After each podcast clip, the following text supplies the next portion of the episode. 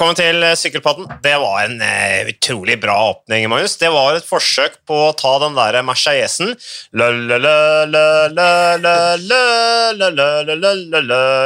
Som vi helt sikkert kommer til å nynne mye på de neste ukene når vi reiser til eh, Tour de France, eh, som vi skal dra til i morgen. Da er det altså tirsdag den 28. juni. Da farter vi ned til København. Um, så det blir eh, stas, det. Starter på fredag 1. juli. Flott start å starte Tour de France, syns jeg. 1. juli. Det skal jo være i juli. Det skal ikke være i juni. Det skal være i juli, ikke være i august. Kun juli. Så det blir bra. Um, det blir din første Tour de France der nede, Magnus. Det blir det. Ja. Jeg gleder meg veldig til det. Det, det. blir mange uker på tur. Jeg skal til og med være med på damenes Tour de France eh, etter herrenes Tour de France. Så det, det blir en innholdsrik juli for min del. Jeg gleder meg som bare det. Ja, du, eh, du, får jo da enda flere uker borte enn meg der nede i Frankrike, så du kommer til å bli eh, preget av det franske miljøet etter hvert. Ellers har vi gjester her i dag, så vi er jo hos deg i dag. Du har jo vært mye på min, min hva du kaller det, mancave ja. på Hovseter. nå er vi på din mancave da på Hva heter det her igjen? Bogstad. Bogstad. Um, og vi har gjester. Det er Natalia Kaggestad og Liam Kaggestad, altså mine barn. Uh, hvorfor er dere her, Liam? Ja, dere er her for å spise pizza, uh, som onkel Magnus har diska opp til dere. Uh, og uh, Da er det naturligvis Grandiosa. Så det, det her er stort for meg å få besøk. Grandiosa nå først på programmet, så litt podkast. Ja. og så blir det panting da på familien Kagestad til slutt. For det, mm. det, er veldig hyggelig for meg at det kommer noen og tar panten min. For at jeg har voldsomt lettbrusforbruk mm. og ekstremt dårlige pantevaner. Så det her er andre gangen eh, dere nå kommer og panter hos meg. så det, det er en tradisjon vi må vedlikeholde. Det var bra du sa brus. altså Nå sa du med B, ikke at du ikke folk oppfatter det som rus. Nei, for det... du har jo tendens til å si ting litt feil. Så um, det, det kan man jo se i siste Ventilen som uh, hvor jeg var med, ble invitert. Det var stort å være med på Ventilen. altså.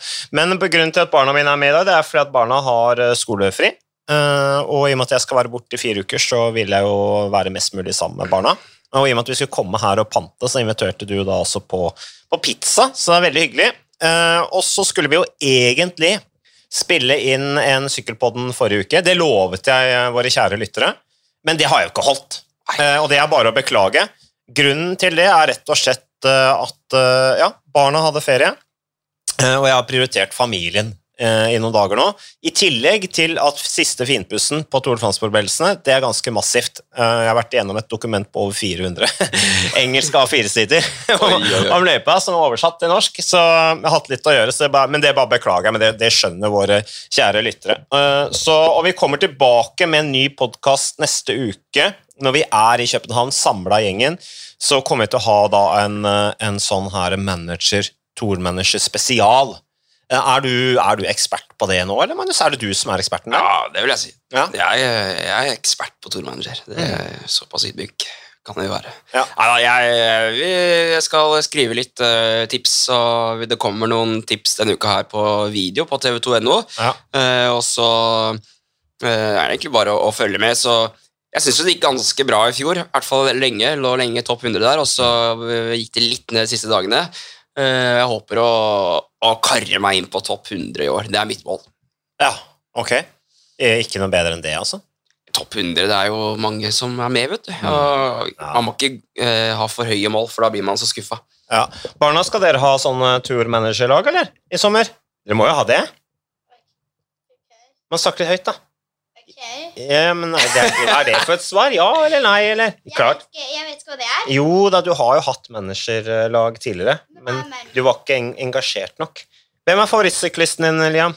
Eh, han derre ja, Andreas eh, Leknesund. Andreas Leknesund, ja. Det syns jeg er et uh, bra svar. Ja, Andreas Leknesund, vet du. Grunnen til at uh, Andreas Leknesund er favoritten til Liam, det er fordi at vi syklet innover Sørkedalen, og så kommer Andreas Leknesund, vet du. Det var stort. Det var i fjor.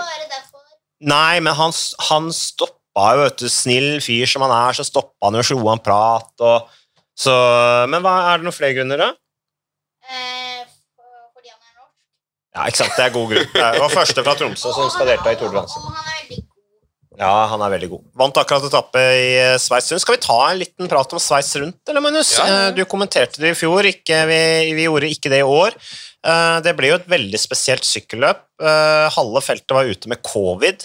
Jeg må jo si at jeg ble så påvirka av alle covid alle som brøyt med covid i Sveits rundt, at jeg rett og slett dro ned og tok tredje dose med koronavaksine. Ja, det var sikkert lurt. Ja. ja. Nei, det var et veldig spesielt ritt på, på, mange måter, og øh, ja, man ble jo litt stressa der etter hvert, og Nei, det Og så blir man også litt sånn stressa med tanke på det som venter i, i Tour de France, at man vet liksom aldri når liksom beskjeden om at Hadej Pogacar har testa positivt, eller mm. Det kan jo snu opp ned på hele sirkuset. Mm. Så ja, det var spesielt, og det, jeg frykter at det kan bli like ille i i Tour de France, men jeg, jeg håper at vi slipper det, da, selvfølgelig.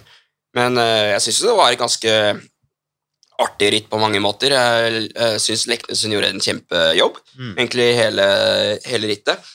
Spesielt seieren hans var, var, så kul.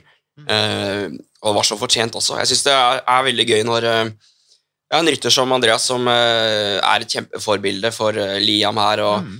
er veldig bevisst på, på sin rolle. og det er, er veldig omtenksom og fin fyr. Mm. og hadde en litt trå start på profflivet i fjor. Mm. når han da lykkes på den måten, og ja, det var Det betydde mye for han, og det, det var gøy for oss som følger han også, så det var, eh, det var, hittil årets sykkeløyeblikk eh, for meg, absolutt. Ja, det kan nok ha vært et av årets norske sykkeløyeblikk, helt klart. Så, så, det var gøy. Bare gratulerer Andreas Leknesund med den seieren, for det var jo ikke bare en, en, seier, det var en helt rå seier også. Måten han gjorde det på, var utrolig overbevisende. Eh, og vi må vel kanskje tenke når det gjelder Andreas Leknesund sine sjanser i Tour de France Han er jo tatt ut, det vet vi. Han er, han er offisielt tatt ut også så er det vel bruddetapper, litt sånn kuperte bruddetapper sånn fra midten av, eller etter etappe ti, tenker jeg. Eller sånn fra etappe ti og utover, som kanskje blir hans største muligheter. Ja, og han er jo på et eh, DSM-lag. De har jo eh, Romain Bardet med på mm. laget. Litt usikker på hans uh, sammenlagte ambisjoner. Uh, tipper han kommer til å gå mest for etapper osv., og, så og da uh, kan liksom bli en viktig hjelper for han, kan få egne sjanser, kan spille på hverandre. Mm. Jeg syns uh, DSM har vært flinke til å være offensive i Grand Touren de siste årene. Mm. Kanskje spesielt Giron og, og Welton. Og så tror jeg ikke han er bundet opp til noe som helst i det laget. At han har egentlig fri rolle, fri rolle til å, å, gjøre som han uh, vil. Og så uh, pådro han seg covid nå etter Sveits rundt. Han bodde på rommet Krag Andersen som testa positivt, så det var på en måte mm. kanskje bare et spørsmål om tid. da Man kom seg til, kom seg til mål eh, det, i det rittet. og Slik jeg har forstått det, så har ikke det preget han så mye. At han er, eh, var litt slapp bare og ja, ble jo litt, litt syk, men ikke mm. sånn veldig syk som mange andre har blitt. Så Nei. jeg tror ikke det trenger å bety så mye. Og så tenker jeg da at den første uka der for hans del handler om å bare komme seg gjennom uten uhell og mm. uten krasj, og så eh, bare lade opp til det som venter. For det er jo de seks første etappene i årets uh, Tour de France er jo ikke Leknesund-etapper. Du har den prologen, tre mm. flate, så har du brosteinsetappen, uh, mm. uh, og så en sånn punchy avslutning. Men uh, fra La Planche Belleville og utover så er det jo egentlig nesten bruddmuligheter hver dag for, uh, for ja. Leknesund. Jeg tror det blir veldig vanskelig. Jeg, tror, jeg har sett litt på de fjelletappene, og jeg, jeg tror at det kommer til å være veldig mange av de fjelletappene hvor bruddet går inn. Altså. Ja. Uh, fordi at uh, det, det kommer sånne trilogier av mm. fjelletapper òg. Jeg tror at på en måte de uh, Pogasjar og Rogerson de kommer, til, de kommer, ikke til å jeg tror Jumbo Visma litt sånn lærdom fra tidligere er at de kommer ikke til å, til å, sitte og kontrollere alt, sånn som de har gjort tidligere. Kommer til å være litt mer konservative på kreftene. Og så blir det på en måte eh, Samlerrytterne de, de, holder igjen, for de skal gjerne spare kreftene til liksom nøkkeletappen i Alpene, nøkkeletappen i Pyreneene. Og så åpner det veldig opp for brudd på da, de resterende etappene. Eh, som, som for eksempel eh, som da vil være bra for, for Andreas Leknesund. Men én etappe som jeg tenker kan være veldig bra for Andreas Leknesund, det er etappe 14 til Mande. Oppå toppen der på den flystripa, vet du. Cummings-raketten ja. vant uh, for noen år siden på ja. Mandela Day. Det var stort. Så det en, bør det være en kjempebra etappe for Andreas Leknesund. Ellers, hva har vi av nordmenn som Nå vet vi jo hvem som skal til Tour de France av de norske. Vegard Stake Langen, selvfølgelig. Alexander Kristoff, selvfølgelig. Veldig glad for å se han der. Han har en fem-seks muligheter til å være med og kjempe om uh, etappeseiere. Også kanskje litt overraskende med Grønne alliansen, eller er det ikke så overraskende? Hva tenker du om det? Nei, altså, med tanke på at han har kjørt rundt uh, Dylan Groneveggen og i, i Dauphiné og, sånt, så er det kanskje ikke så overraskende. De ønsker å bygge det laget rundt uh, Groneveggen. Uh, så sånn sett er det kanskje ikke så overraskende. Det jeg syns er overraskende, er at de kommer til Tour de France med et tilnærmet rent spurtlag. Mm. Eh, altså jeg lurer på om de har sett på løypeprofilen i det hele tatt.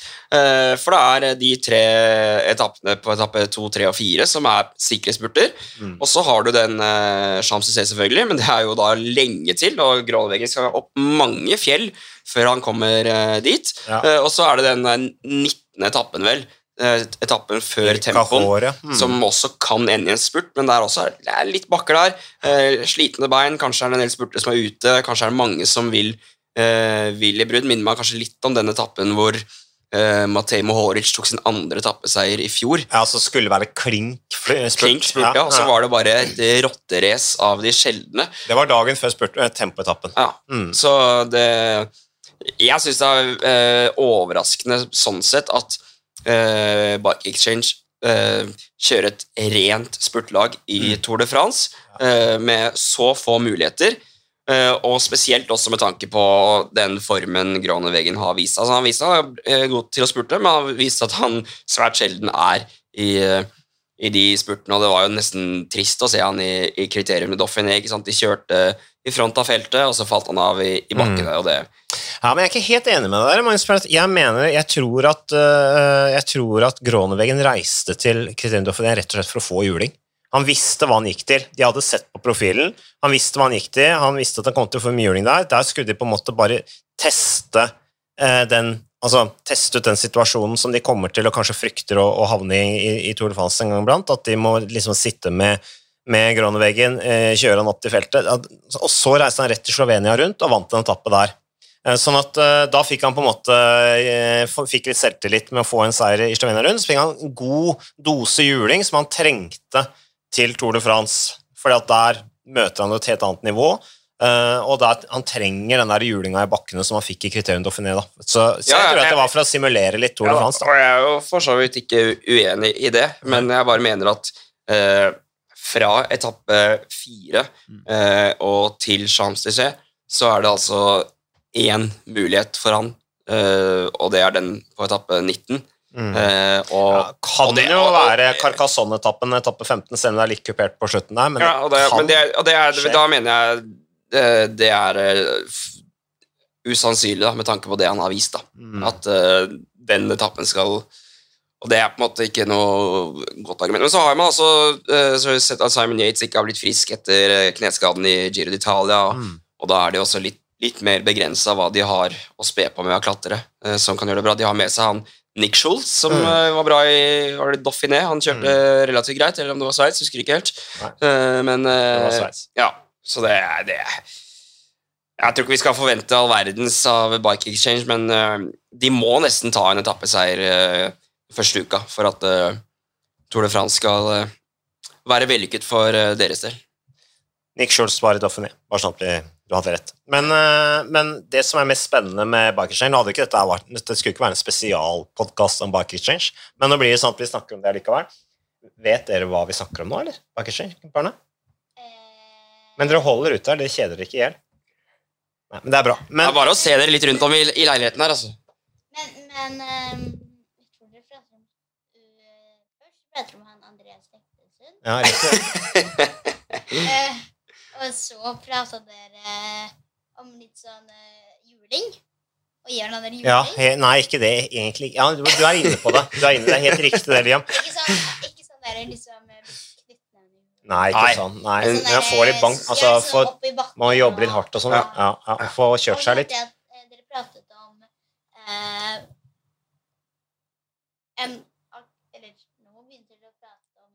annet. Ja. Eh, Ja, du har god oversikt, Liam. Veldig, det bra, veldig bra.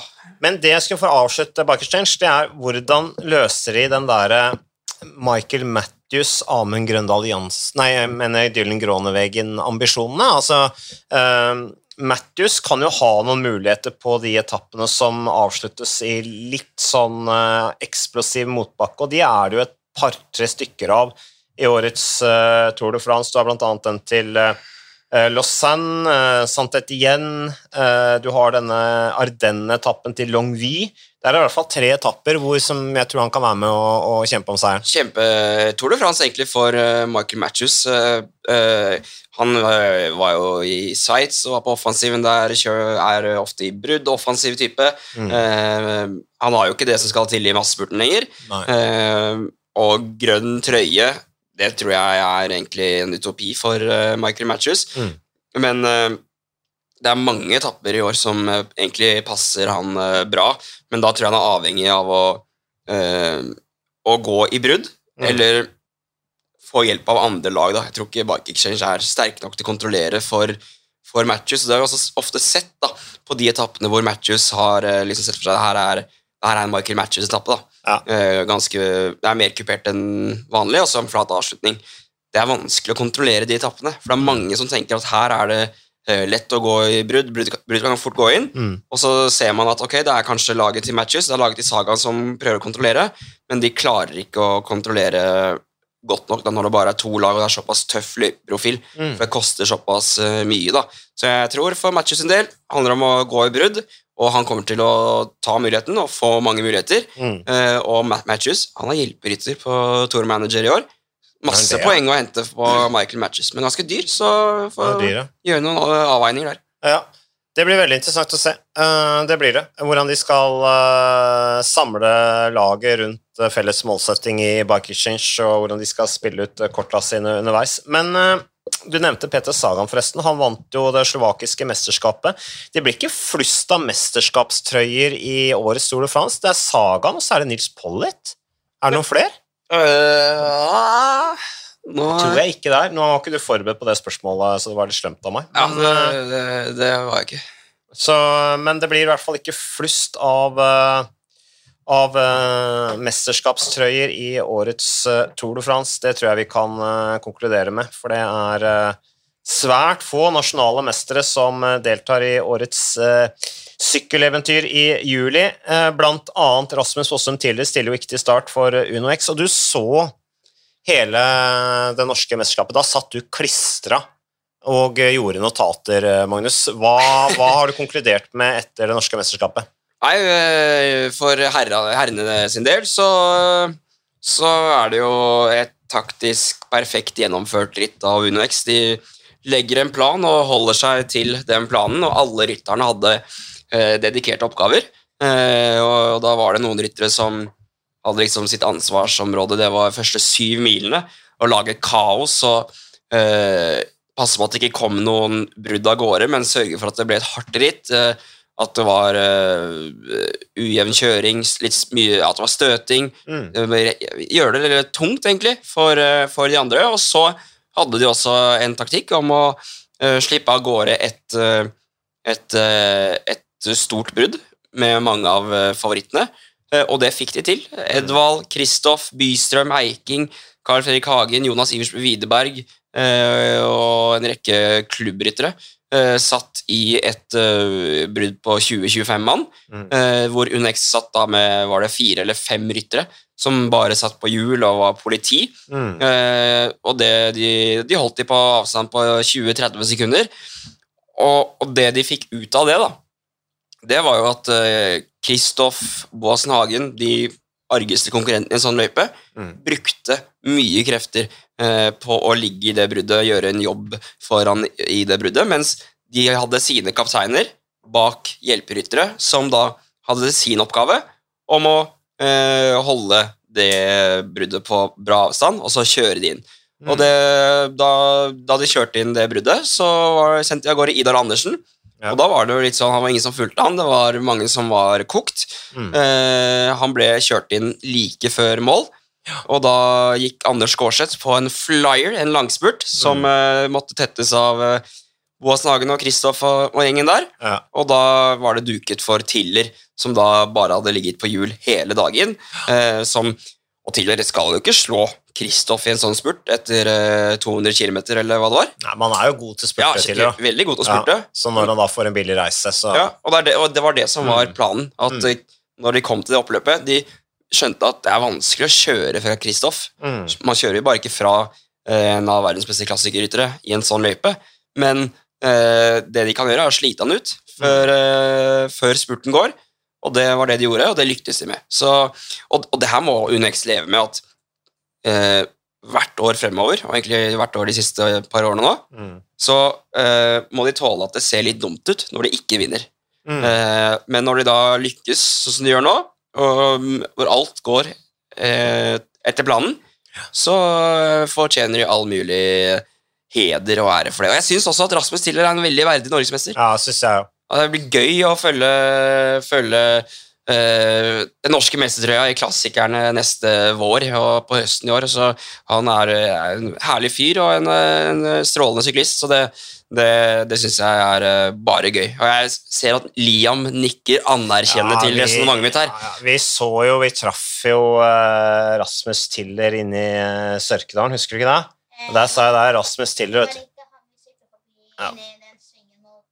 Jo, og han vinka, vet du. Så det var kult. Han så deg på racersykkelen din, vet du, og så vinka han som bare det. Tenkte at her har vi en kommende konkurrent som uh, kanskje blir uh, tøffere oppover enn i spurten. Men uh, allikevel. Andre gang Rasmus Fossum tidligere blir, er norgesmester, forresten. Uh, han vant jo i 2017, òg, fem år siden sist. Så det, han har vært norgesmester før, vet du. Så, uh, I, I Stjørdal var det, og mm. nå var det på Skogn, så han trives i litt sånn perifere trønderstrøk. Hvis ingen blir krenka av det jeg sier det. Og det var gøy, det. Det ene han vant i, i 2017 òg. Da var han på Joker, og det gikk et stort, farlig brudd av gårde. og Joker var på en måte det største laget den gangen. Mm. Det beste laget. Og så hadde de bare Rasmus Stiller her. Men det, det, han kunne gjøre i det bruddet, at han slapp jo å dra, for han hadde jo ingen lagkamerater her. Nei. Så da kom de på siste runden, og så hadde alle andre brukt opp kreftene, mens mm. han igjen da kunne spe på med kjempekreftene sine. Mm. Kald, vet du. Kald fisk. Ja, ja. Han er det. Han er det. Og mye press òg, da, når han sitter der og skal ha den rollen der, så han leverte jo. Så var det. Men uh, Svein Erik Hvis noen lurer på hva som var det hylet, så var det deg, Magnus. Du er ekstremt skvetten. Ja, og det var Liam som mista Det var jo da nat naturlig i... skvett også, ja. så du gjorde deg ikke til engang. Men det jeg skulle si var Bystrøm var bra, var han ikke det? Uh, Bystrøm så bra ut, ja. ja. Uh, gjorde en god jobb for Kristoff. Tauet på slutten. Han som kjørte inn Idar Andersen, satt også i det bruddet, gjorde en masse jobb i det bruddet. Så Svein Erik Bystrøm han i bra slag er vel så vidt jeg vet, første reserve til Tour de France. Mm. Eller i hvert fall reserve til Tour de France. Ja. Eh, så viser at han eh, er moden for oppgaven dersom han skulle eh, trengtes. Hvis det kan jo skje mye med både covid og, mm. og alt som er. Absolutt, absolutt. Um, og damerittet, uh, du så det også, eller? Der vant jo Malin Eriksen, 25 år gammel, foran Vibeke Lystad og Marie Hole Mor. Uh, mor som sykler i Mari. Mari, mener jeg. Uh, som sykler i Team Coop, Hightech Products. Um, der ble det jo litt Det var en spurt eller oppgjør mellom Malen Eriksen og Vibeke Lystad, og så var det uh, to minutter omtrent ned til Mari Holemor. Hvordan var kjøringa i damenes ritt? Det var et veldig spesielt ritt på mange måter.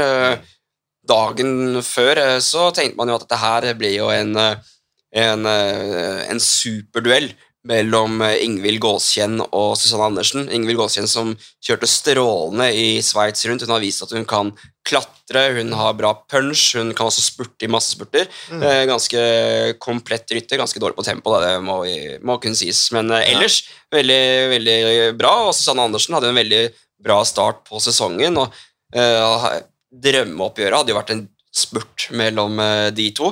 Mm. Uh, men Ingvild Gåskjenn hun fikk jo korona ja. uh, i Sveits, eller etter Sveits. Testa positivt i, i uh, om det var kvelden før eller på ritt, rittdagen, eller ble syk i hvert fall. Ja. Uh, og, så hun var ute av rittet. Og så var det jo både Mie Ottestad og Amalie Lutt, nei, Anne Dorthe Island som også var, hadde frafall fra rittet, så det var bare to på start fra UnoX. Mm. Men Susanne Andersen veltet da etter bare noen få kilometer. Og brakk kragebeinet, dessverre. Er kjedelig da, med tanke på Tour de France. Veldig kjedelig, så håper at hun rekker det. Det er jo Det henger vel i en tynn tråd. Ja. Eh, nå er det jo bare fire uker til ja. det begynner, så nei, det, det, spørs. Men da, da, ble det jo litt rar dynamikk, da. Mm. med tanke på at uh, proffene, de kjørte De var på en måte alene. Stine Borgli alene i Frans, altså, Sjø, mm. uh, men samarbeid med CK Victoria. Ja. Katrine Aalerud kjørte alene. Amalie Lutro da, UnoX kjørte alene. Mm. Uh, Team Coop Hightech Products hadde ikke uh, sine antatt beste kort på start, med Ingvild Gåskjenn med korona og Tiril Jørgensen som veltet stygt i, i Sveits rundt, så de, de la om litt taktikken og kjørte mer for den U23-trøya. Oh, ja. okay. og, da, ja. mm. og så, så det så er det jo litt sånn, det var jo lite felt, eh, og ja, flere klubbryttere som var på en måte fornøyd med å, å ligge på hjul, altså ikke lange nok bakker til at proffene klarte å eh, skille, det, skille, seg ut. Mm. Eh, og da de nærmet seg Det ble litt utskillelse på den nest siste runden, så samlet det seg litt. Og da gikk det en fra Ringerike, Vibeke Lystad, ja. 47 år, eldre enn deg, Mats. Ja, tenk på det. Tenk på det. Det er gammelt. Frister det litt i Nei, Nei det frister overhodet ikke. ikke det er så mye lidelse og smerte. Ja, ja, Det er i hvert fall imponerende. Hun kom seg av mm. gårde fra Ringerike ja. uh, sammen med Malin Eriksen fra CK Victoria. Uh, og da var jo de to uh, største klubblagene i, det, i et brudd der. Samarbeidet bra, i hvert fall fra toppen av bakken på den nest siste runden og fram til langesonen på den siste runden. Mm. Men da opparbeidet seg luke på to, nesten tre minutter. Mm. Og, og, bak var det jo ikke, ikke noe lett å uh, få i gang noe samarbeid, da, for uh, Lutro og X satt uh, alene, og Aalerud satt alene, og hvis man uh, Og Stine Borgli ville ikke dra, for hun hadde jo Malin Eriksen foran, og så ja, Hightech liksom de var fornøyde med at de kunne spurt om den U23-trøya. Ja. Så da, da, ble det litt uh, rart. Altså, det som skjedde da, var jo at Malin Eriksen hun dro ikke i den duoen siste 15 km, uh, fordi hun hadde Stine Borgli bak. Mm. Og da kjørte egentlig Vibeke Lystad og egentlig bare taua på henne hele veien. Og satt og tenkte på at Malin Eriksen har en veldig, veldig bra spurt. og slår Vibeke Lystad i spurt ti av ti ganger. Mm. Og at uh, sjansen til Lystad det hadde vært å enten tvinge uh, Malin Eriksen frem, eller uh, kjøre litt roligere inn i bakken, eller prøvde å rykke i bakken. da. Mm. Men hun kjørte veldig hardt, da, egentlig, på de flate partiene. Da kunne Malin Eriksen bare spare krefter og klarte å bite med seg med over. og da var det egentlig lett for Malin Eriksen. og så Uh, ja, og Sykkel er jo taktikk og lagsport, og ja. Malin Eriksen og Seka Victoria de gjorde egentlig da alt riktig på slutten. Uh, og så uh, sitter tror jeg Vibeke Lyste er ganske fornøyd med sølvmedalje. Mm. selv om ja, Ringerike hadde jo på en måte flere ryttere bak også, så kunne de jo spilt på spilt, spilt kortene litt annerledes også. Men ja, veldig gøy da at Malin Eriksen vinner. Har vært på klubbnivå i, i, mange år og kjørt uh, litt landslag, uh, sykla litt på et belgisk uh, lag også, men ikke vært slått helt igjennom på den scenen før. Vært bra gjennom gateritt mange ganger, mm. men veldig stas for henne da, å få, få, denne seieren, absolutt. Men det var på mange måter et veldig rart ritt, mm. og, det, og, det, får man også når de store lagene ikke er med sine største stjerner, og løypa på en måte ikke er tøff nok. og Eh, det er så få på start, da. Mm. Ellers eh, tilbake til herrene, Magnus. Eh, Martin Solhaug Hansen, nummer ni. Ja. 19 år gammel. Hvor har vi han fra?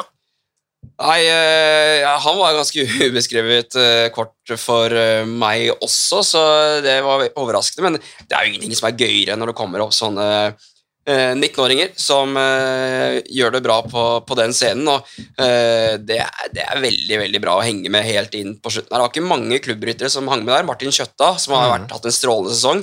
Han har kjørt veldig bra. Ja, han har kjørt ja. veldig bra. Han, Sundvolden Grand Prix, ja. blant annet. Er jo Frankrike konkurrerer og greier. Så det, det, var på en måte ikke overraskende. Han har hang, hang, med hele veien, men at han uh, nummer ni der mm. holdt uh, følge, det er utrolig imponerende. Jeg mener at uh, de snakket om det, disse kommentatorene på Direktesport, at han var Triatlet? Eller? Nei, ikke han. Var, de var fra Haugesund. Ja, ja, okay. han var, man var fra Jeg har alltid blanda Sandnessjøen og Mosjøen. Jeg tror det var Mosjøen. Oh, ja. okay. han kommer fra oppe i nord. han gjør det? Ja. Men det, vi kan gratulere ja, ja, det Martin Solheim Hansen med et lite gjennombrudd der. Ja, I et tøft sykkelløp. Eh, det var vann mellom båtene der òg, så det, er liksom ikke sånn, det var ikke 100 mann som kom inn på samme tid. Nei, liksom. nei, nei, nei. Så det, han har kjørt bra, altså. Ja. Bra jobba. Han, vi gleder oss til å følge utviklingen hans også videre, hvis han er fra Nord-Norge.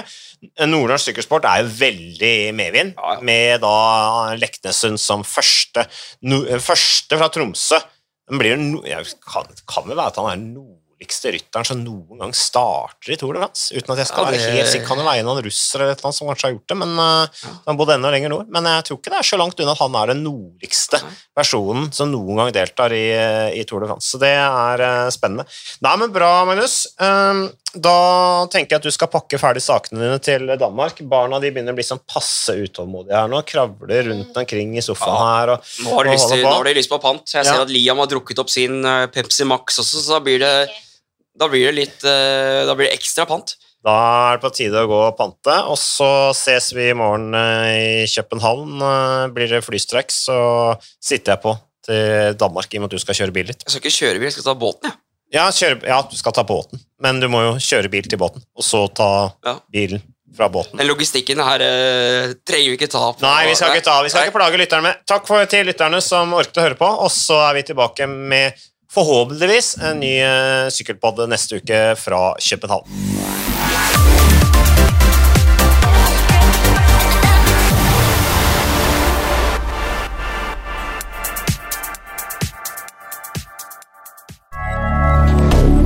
Moderne media.